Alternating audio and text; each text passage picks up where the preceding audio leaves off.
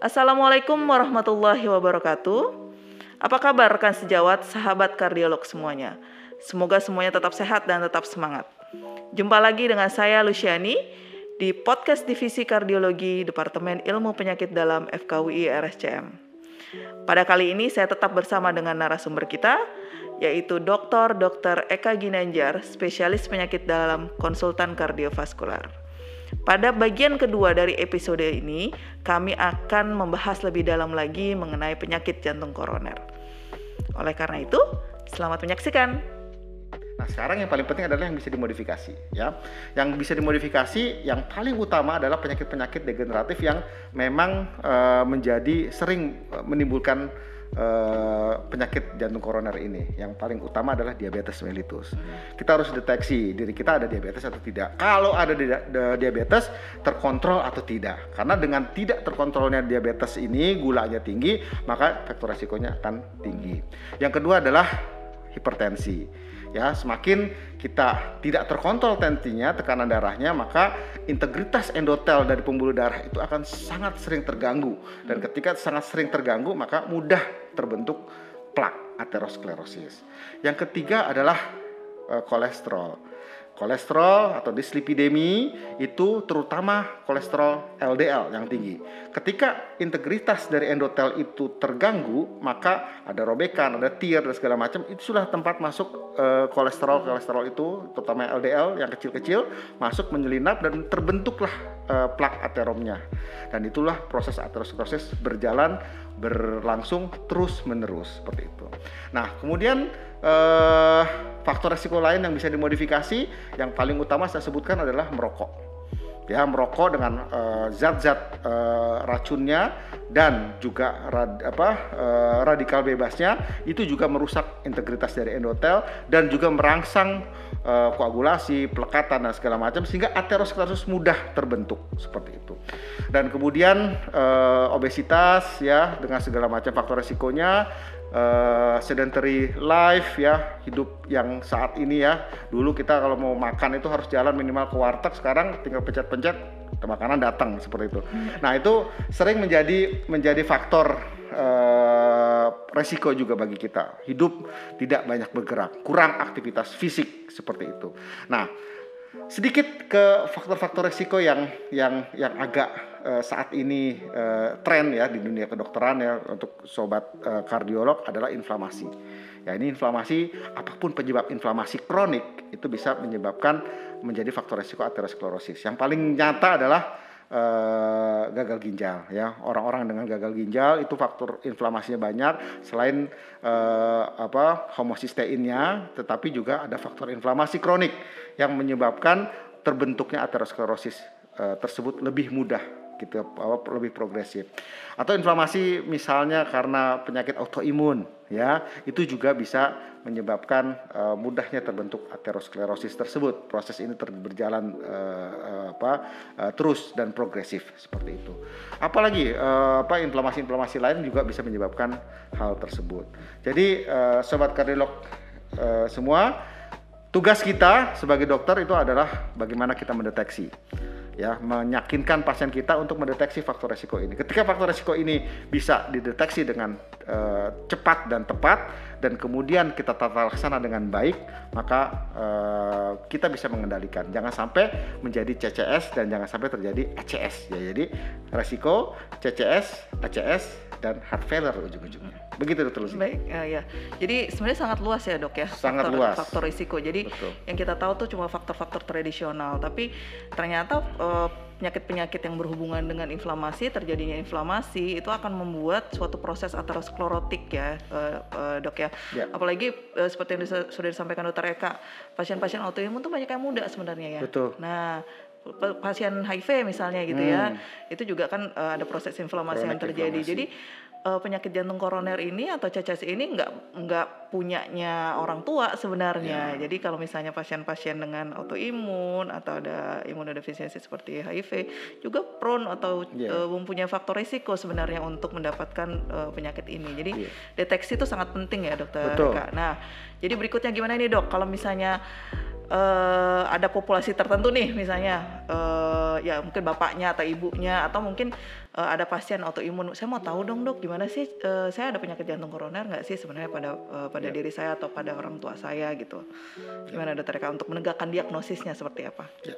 Jadi eh, kita masuk ke diagnosis ya. Eh, betul sekali. Yang paling utama adalah kita eh, tahu tentang faktor resiko. Ya, apa cara mendiagnosisnya? Jangan nunggu sakit dulu. Diabetes jangan tunggu eh, apa kolaps dulu, KAD dulu dan segala macam. Kita deteksi ya ketika usia eh, sudah di atas 35, di atas 40 itu harus lakukan medical check up secara reguler untuk kita mengetahui gula kita seperti apa. Apakah kita hipertensi atau tidak ya. Jangan kemarin pas vaksin aja tahunya hipertensi gitu loh baru ketahuan baru ketahuan hipertensi itu contoh yang nggak benar itu ya jadi harus eh, apa gara-gara vaksin harus ditensi gitu. Padahal harusnya ditensi secara rutin reguler seperti itu ya. Jadi eh, sobat kardiolog pertama adalah kita harus deteksi eh, faktor risiko kita. Termasuk tadi faktor infes, apa eh, inflamasi ya. Apa kita ada autoimun atau hiperkoagulasi dan lain sebagainya ya. Itu juga harus did- dideteksi. Jadi kalau pada pasien-pasien kita yang belum sakit sarankan untuk kita lakukan deteksi dini. Nah, kalau sudah ada faktor risiko tadi, ya, atau sudah ada misalnya mana bergejala, misalnya tadi yang yang apa angina ketika aktivitas eh, nyeri dada dan lain sebagainya, maka itu akan eh, lebih baik dilakukan diagnostik ya. Nanti kita lihat probabilitasnya. Eh, high risk kah atau low risk ketika high risk ya lebih lebih eh, harus lebih invasif mungkin di, untuk eh, pemeriksaannya. Tapi kalau low risk kita bisa lakukan pemeriksaan-pemeriksaan yang eh, lebih non invasif seperti itu. Dan beberapa opsi pemeriksaan sekarang kita eh, gunakan eh, dulu kita banyak menggunakan treadmill test ya secara fungsional ya treadmill test. Tetapi kemudian eh, ke sini ada modalitas seperti CT angiografi ya CT scan, M- CT kor- apa koroner itu menjadi modalitas yang eh, di dalam guidelines eh, 2019 ESC ini banyak digunakan ya terutama untuk yang eh, apa risikonya tidak terlalu tinggi seperti itu. Nah, kemudian ketika memang harus indikasi dilakukan core pun kalau ditemukan stenosis maka pada guideline baru itu diberikan eh, apa tidak langsung pasang stent 70% langsung stent tapi kita buktikan dulu bahwa ini sebenarnya eh, signifikan atau tidak? Tidak dengan pemeriksaan FFR gitu ya atau dengan IVUS atau OCT tapi dalam guidelines ini menggunakan FFR ya. Bagaimana eh, pressure eh, sebelum dan sesudah lesi itu berubah atau tidak? Seperti itu dokter Lucy. Oke, baik. Jadi eh, untuk pasien-pasien tertentu nih dok, jadi pasien mungkin pasien-pasien muda yang seperti sudah saya sampaikan sebelumnya, eh, dianjurkan untuk medical check up nih ya dok ya jadinya ya. Betul, nah betul. medical check up tuh berbagai macam ya dok, ada echo dulu, kemudian ada treadmill ya. Ya. Tapi pada guideline sekarang dianjurkan untuk eh, MSCT lah ya, MSCT. atau CT angiografi ya. Baik. Nah eh, untuk sedikit dok sebelum eh, saya mulai eh, atau saya masuk ke eh, apa intervensi atau eh, tata laksana selanjutnya. Kira-kira apa sih dok obat obat-obatan simpel aja, hal-hal yang eh, mendasar atau obat-obatan atau tata laksana yang basic gitu untuk pasien-pasien yang memang sudah ada simptom. Atau pasien-pasien yang punya high risk. Misalnya eh, ibu saya umurnya udah 70 tahun ada diabetes. Boleh nggak sih dok saya kasih eh, antiplatelet deh gitu. Saya kasih aspirin aja boleh nggak dok gitu. Mungkin ada hal-hal eh, khusus di guideline ini yang mungkin bisa dokter sampaikan dok? Jadi eh, sebenarnya kalau yang khusus banget sih tidak ya, tetapi eh, pemberian eh, antiplatelet ya banyak pilihannya ya. Di sini banyak pilihannya dan eh, banyak pilihan-pilihan yang relatif aman untuk eh, usia lanjut ya. Lalu kemudian anti angina juga eh, apa bisa kita berikan mulai dari eh, apa nitrat sampai kepada eh, S inhibitor itu bisa kita berikan ya atau eh, apa kalsium channel blocker itu kita bisa berikan seperti itu. Nah, eh, tapi yang saya tekankan di sini ya tadi betul antiplatelet kita harus berikan dan kemudian eh, anti angina kalau memang ada eh, nyeri dada. Yang paling penting adalah eh, faktor resiko juga Kontrol harus faktor diobati. ya, iya, kalau diabetes diobatin diabetesnya Iya, iya. gitu ya. Darah tinggi ya di hipertensi diobati hipertensinya dan itu obat-obatan yang memang esensial untuk bisa eh, diberikan kepada pasien. Kolesterolnya tinggi ya berikan eh, apa golongan statin untuk mencapai LDL-nya. Seperti itu dokter Lucy. Ya, jadi kalau misalnya nih pasien-pasien yang memang eh, nggak ada sih nggak ada gejala nih dok, Hmm. tapi ada faktor risiko yang misalnya diabetes lama udah 10 tahun, terus hipertensi udah lebih dari 10 tahun. Kira-kira ada nggak sih dok? Atau mungkin eh, di refresh lagi mungkin pertanyaan saya. Indikasi untuk dipasang stand deh dok, untuk atau core angiografi itu indikasinya pada pasien-pasien yang seperti apa sih dok? Ya, untuk yang tadi eh, apa kalau faktor resikonya itu tinggi ya, tetap kita tetap harus melakukan pemeriksaan yang eh, less invasif seperti itu. Walaupun eh, ketika terlihat faktor resikonya sangat tinggi apalagi dengan simptom itu bisa laku, langsung diarahkan untuk melakukan eh, coronary angiogram ya, eh, kateter ya. Tapi kalau eh, apa tidak bergejala ya sebaiknya dilakukan eh, pemeriksaan yang less invasif ya seperti MSCT yang bisa kita lakukan. Dengan faktor risiko yang banyak itu kita lakukan MCT. Ketika terlihat ada penumpukan eh, kalsium ya kalsium skornya tinggi bahkan terkonsentrit pada satu tempat, nah itu curiga. Ditambah lagi kalau memang terbukti ada lesi di situ, nah itu ada indikasi untuk core angiografi seperti itu. Dan tadi saya sudah sampaikan core angiografi pun ketika dilaksanakan tetap dilakukan penilaian diagnostik dengan memberikan apa memeriksa FFR seperti itu. Ya baik. Eh, jadi sebenarnya tindakan eh, intervensi itu seperti apa sih dok? Mungkin dokter bisa menjelaskan brief sedikit mengenai Ya. apa sih korangiografi, terus pasang ring itu gimana sih gitu? Ya, jadi core angiografi itu kan sebenarnya eh, kateter ya. Jadi kita memasukkan kateter kecil sebesar eh, kabel charger gitu, lebih kecil bahkan ya, masuk lewat akses arteri. Arteri yang kita ambil biasanya arteri radialis kanan atau femoralis kanan gitu ya. Jadi eh, aksesnya itu dulu femoralis, tapi kalau pakai femoralis sering eh, pasien nggak nyaman karena setelahnya dia harus tiduran 6 jam, ditekan dan sebagainya. Jadi sekarang lebih banyak pakai radialis eh, kanan. Jadi aksesnya dari situ, kemudian dimasukkan kateter tadi sebesar eh, kurang lebih eh, charger handphone gitu ya, masuk sampai kepada eh, jantung. Nanti ada sampai ke ostium dari eh, pembuluh arteri koroner. Ya arteri koroner itu ada dua lubang yang kanan dengan yang kiri. Yang eh, ostium yang kiri itu terbagi dua jadi dari left main ya terbagi dua menjadi left anterior descending dan left circumflex. Left anterior descending itu eh, memperdarahi ke depan eh, left eh, ventricular eh, 70% kurang lebih left ventricle. Eh, tapi yang left circumflex adalah memeluk jantung dari sebelah kiri gitu.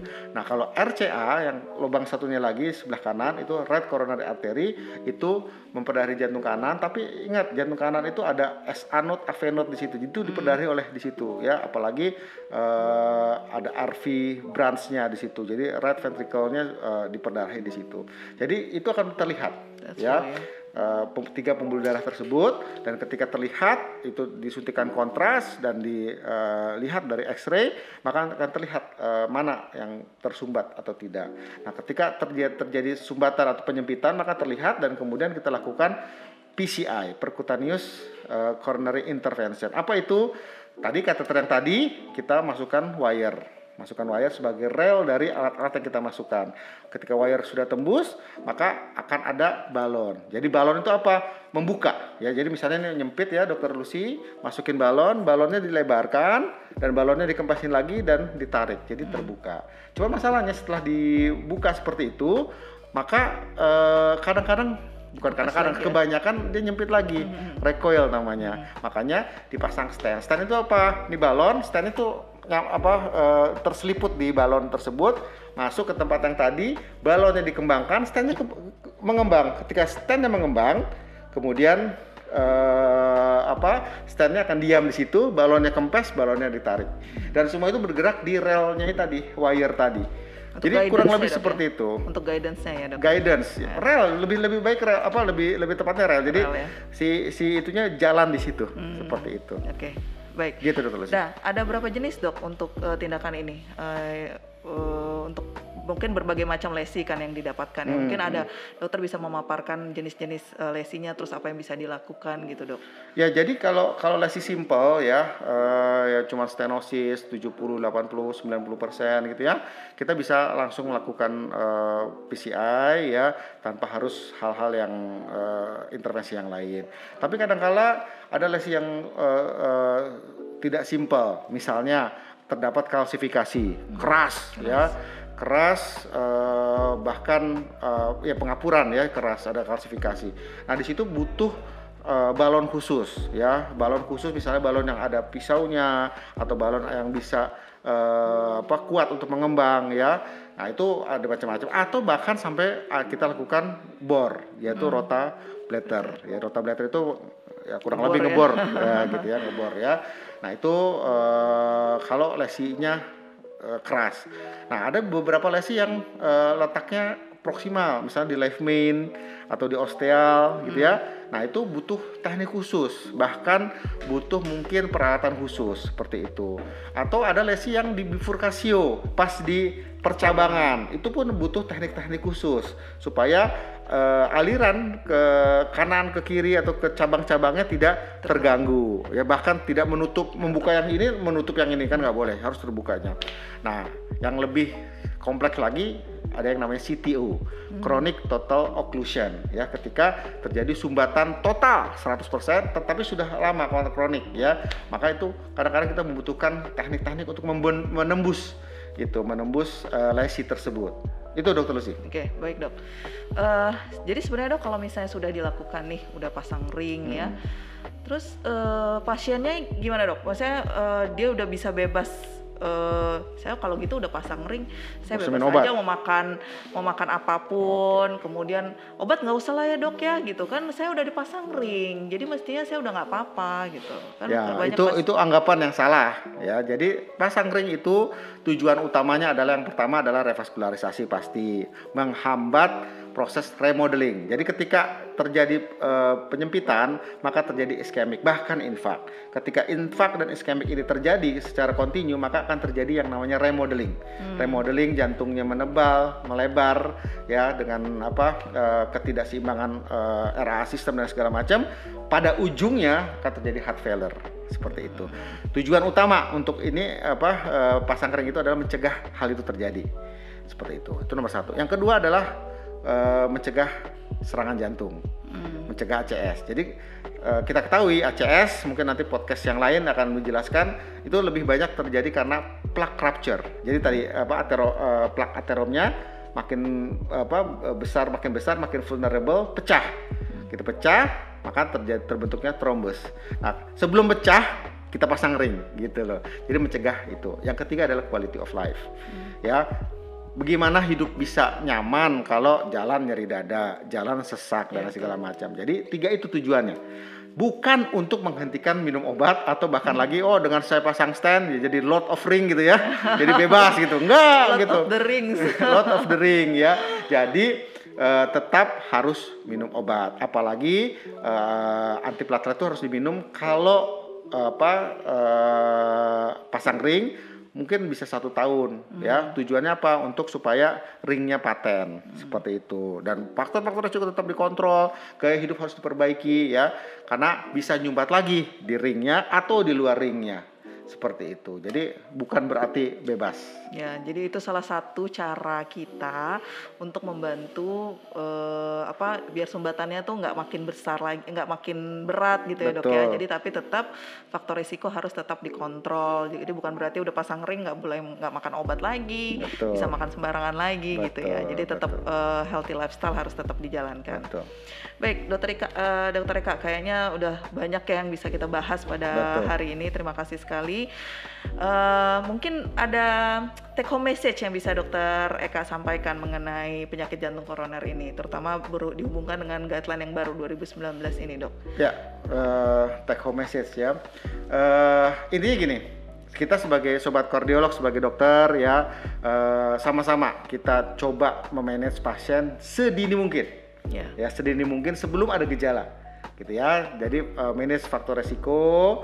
Eh, kalau sudah ada faktor resiko eh, terpenes tapi tetap eh, berproses aterosklerosisnya pasien CCS itu segera ditangkap-tangkepin ya. Jangan sampai eh, tadi eh, bentang-bentang gak ada gejala uh, dibiarkan gitu ya, tetapi kita tetap betul-betul harus apalagi dengan faktor risiko yang tinggi kita uh, deteksi secara dini ya, dilakukan pemeriksaan-pemeriksaan tujuannya untuk menemukan betul nggak sih ada uh, penyumbatan atau penyempitan dan sebagainya. Kalau sudah dapat itu, maka dilakukan terapi yang adekuat. Ya, terapi yang adekuat tujuannya apa? Supaya proses tidak berlangsung, tidak terjadi akut corona syndrome atau tidak terjadi heart failure. Ya, jadi kualitas hidup pasien kita kita uh, tingkatkan untuk itu.